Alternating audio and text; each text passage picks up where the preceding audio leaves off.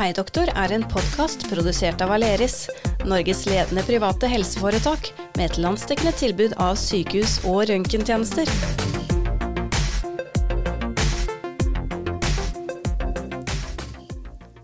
Hallo, hallo, og velkommen til nok en episode av Hei doktor, programmet der vi tar tak i små og store ting innenfor det store landskapet helse.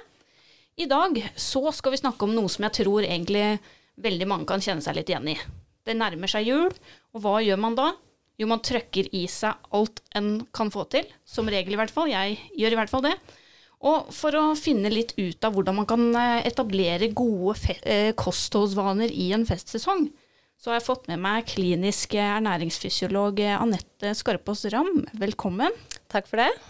Du, eh, først til å begynne med så må jeg jo stille deg spørsmålet som jeg stiller alle som eh, kommer hit, og det er eh, hva gjør en eh, klinisk ernæringsfysiolog egentlig?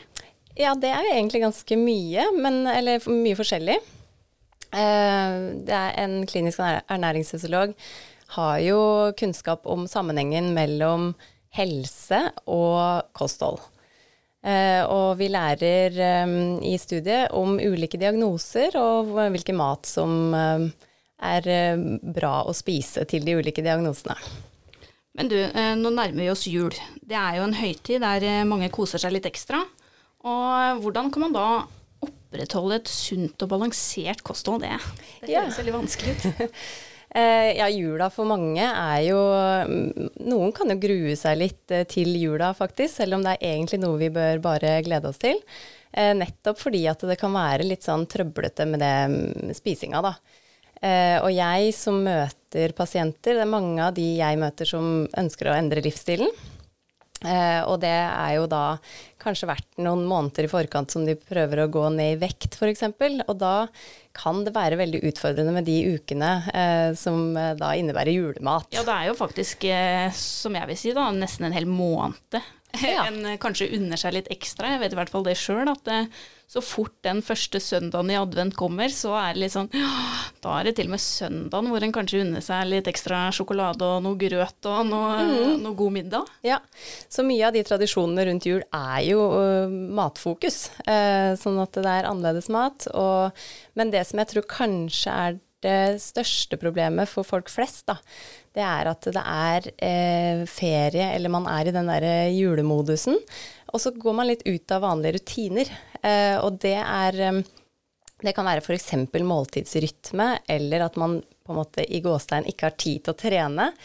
Eh, så ting, ting, sklir litt ut. Altså det er jo um, ikke bare det at det er akkurat den der julemiddagen eller uh, desserten uh, de få gangene, men jeg tror det er hele liksom, livsstilen som blir uh, litt annerledes. Og det kan mange ligge litt i forkant og tenke litt gjennom prøve å holde på mest mulig av de gode rutinene sine. F.eks. ta eh, pepperkaker og brente mandler. Da. Er det liksom i samme boks, eller er det noen godsaker man kanskje kan unne seg med god samvittighet eh, uten å føle at en går glipp av noe? Ja, det er veldig fint du tar opp det med samvittighet, fordi det tror jeg er eh, jeg kan være litt todelt. Noen spiser kanskje uten å tenke over det, og kan kanskje bremse det litt. Så det er liksom i den ytterkanten. Men så tror jeg mange spiser um, eh, julegodteri eller kaker eller sånne ting, og får dårlig samvittighet. Og det tror jeg liksom Det, det bør vi egentlig litt bort fra. Eh. Det er veldig vanskelig, da. Det er sånn typisk Det er hvert eneste år.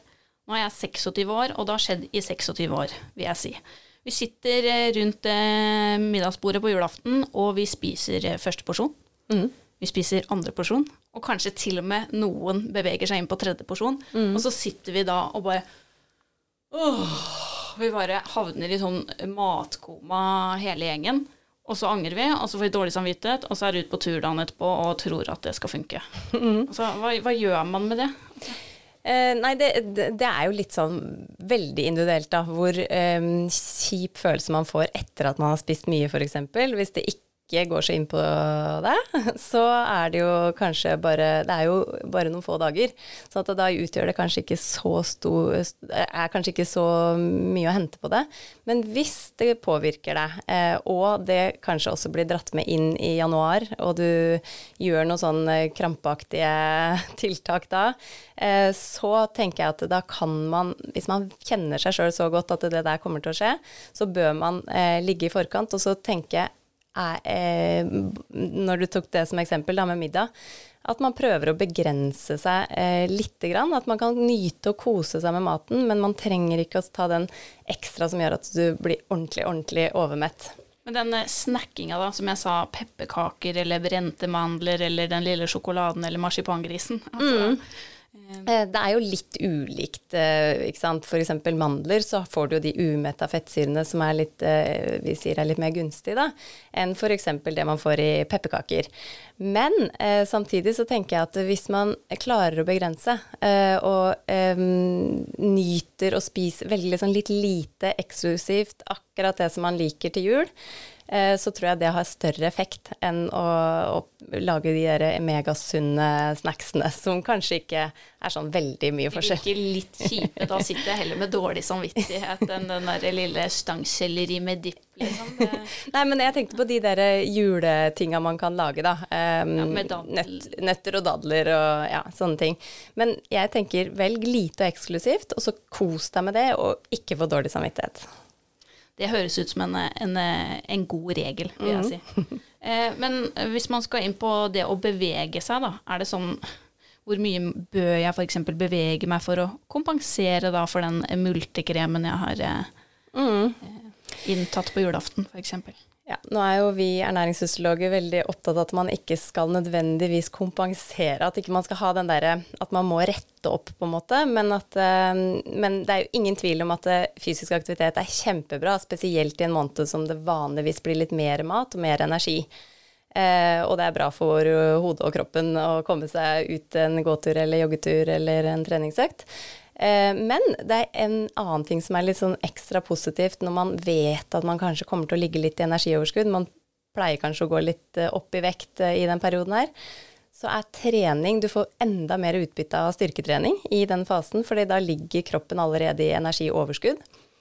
Det betyr at kroppen er på en måte i en anabol fase, en byggefase. Så hvis du da gir signaler om mye bruk av musklene, så vil eh, kroppen liksom tolke det som at vi trenger mer muskler, og så vil den legge inn støtet der istedenfor å eh, legge på seg bare eller stor andel fettvev, da, så blir det større andel muskelmasse. Så det er en eh, ekstra motivasjon kan være for å trene litt eh, i, eh, i, de juledagene også. Så får du liksom utnytta det du har inntatt på en bedre måte, er det så å forstå? Det er eh, helt riktig, og jeg har jobba på treningssenter tidligere. Og da er det sånn typisk at man um, vanlige som går på treningssenter, ligger kanskje litt i energiunderskudd fordi man vil ha lavere fettprosent og mer muskler. Eh, og så får man ikke helt den maks ut av treninga som man kunne fått. Eh, og så når man først da ligger i litt energioverskudd, så kan man få enda mer effekt av styrketreninga. Så det er, eh, det er dobbelt opp. Både at man bruker mer energi, eller man, siden man har inntatt mer energi, så bruker man mer under en treningsøkt. Men man kan også faktisk gjøre noe med kroppssammensetninga. Hvorfor er det ingen som har sagt dette til meg før? jeg er ikke så gammel, altså det er mange år å trene i jula på. Nei, men det er godt å vite.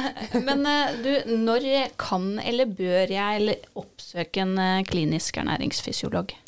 Eh, det, jeg tenker at uh, for få bruker det. Fordi mange trøbler litt, syns det er vanskelig med kosthold. Uh, og det helt klare er hvis du har fått en sånn nyoppdaga diagnose, da, f.eks. diabetes eller cøliaki eller ja, en eller annen diagnose som man bør spise på en spesiell måte.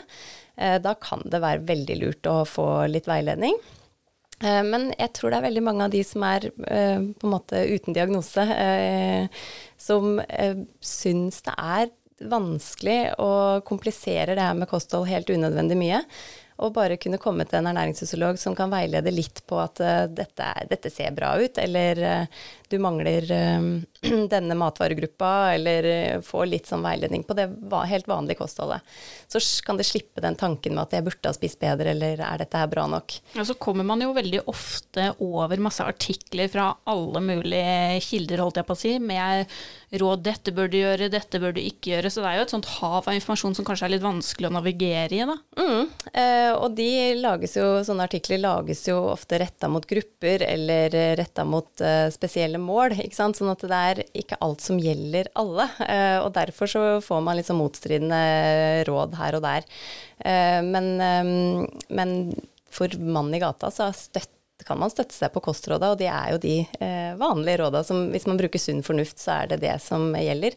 Både for å få i seg nok eh, av det kroppen trenger, men også for å på en måte holde en stabil vekt, da, som ofte er målet, også ikke gå opp i vekt, som veldig mange gjør. Eh, men det er jo også sånn at eh, nå er det jo eh, rett før et nytt år. Da er det mange som pleier å sette seg eh, noen mål for nye leveregler, eller rett og slett bare nyttårsforsett. da. Har du noen tips til hvordan man kan holde de nyttårsforsetta eh, lenger enn f.eks. halvveis i januar? ja. Eh, ja, men det tror jeg går veldig mye på det vi snakka om i stad. Da har det vært en periode hvor du har spist feit mat, søt mat, eh, for mye mat. Eh, eller veldig mange gjør det. Eh, og da er man veldig innstilt på å snu eh, rundt på det her og stramme inn. Og man er egentlig motivert for mye grønnsaker og fisk, og, eller kanskje til og med uten kjøtt. Eh, neste dagene. Eh, så da setter man kanskje de der eh, nyttårsforsettene litt for høyt, eller at de blir litt for strenge, de, de råda, da.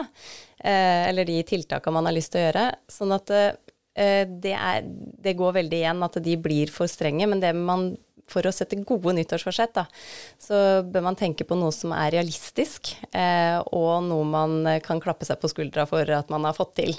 At det er eh, målbart på et vis, og noe som man tenker at man kan fortsette med også utover de to ukene som man uh, klarer å gjennomføre. Pleier du selv å sette nyttårsforsett, eller uh, hva er dine råd da sånn for å, å gjøre det, som du sier, da, oppnåelig? Altså skal man mm. bare sette ett lite, eller skal man ha flere små? Nei, jeg tror jeg nok er der hvor veldig mange er i januar, jeg også. Jeg setter meg nok ikke så veldig mye sånn nyttårsforsett, men jeg har behov for å komme tilbake til gode rutiner og kjøpe inn litt ekstra med frukt og grønnsaker og planlegge kanskje middager og komme tilbake til det der hvor jeg har lyst til å være, da. Eh, og det jo, går jo automatisk med at det er mindre selskaper og, og sammenkomster med både alkohol og, og annerledes mat. Men, eh, men, det behovet for å komme tilbake til rutiner, den tror jeg ligger hos veldig mange. Eh, men det å liksom gå fra null treningsøkter i uka til å sette seg mål og trene hver dag f.eks., det er liksom, da er det dømt for å mislykkes. Og det er litt sånn Det gjør noe med eh, hvordan vi tar det etterpå. Så det å liksom tenke på hva er det jeg får til, og hva jeg har lyst til. Eh, og hva er det jeg kan eh, fortsette med over tid. Det tror jeg er liksom de gode nyttårsforsettene. Eh, da må jeg egentlig bare si tusen takk for veldig mange gode råd. Og så ønsker jeg både meg selv og alle de som lytter, masse lykke til i jula. Kanskje du har fått noen gode tips til hvordan du kan tenke litt mer langsiktig inn mot neste år. Aleris direkte til legespesialist. Ingen ventetid uten henvisning. For mer informasjon eller timebestilling, se aleris.no, eller kontakt din nærmeste avdeling.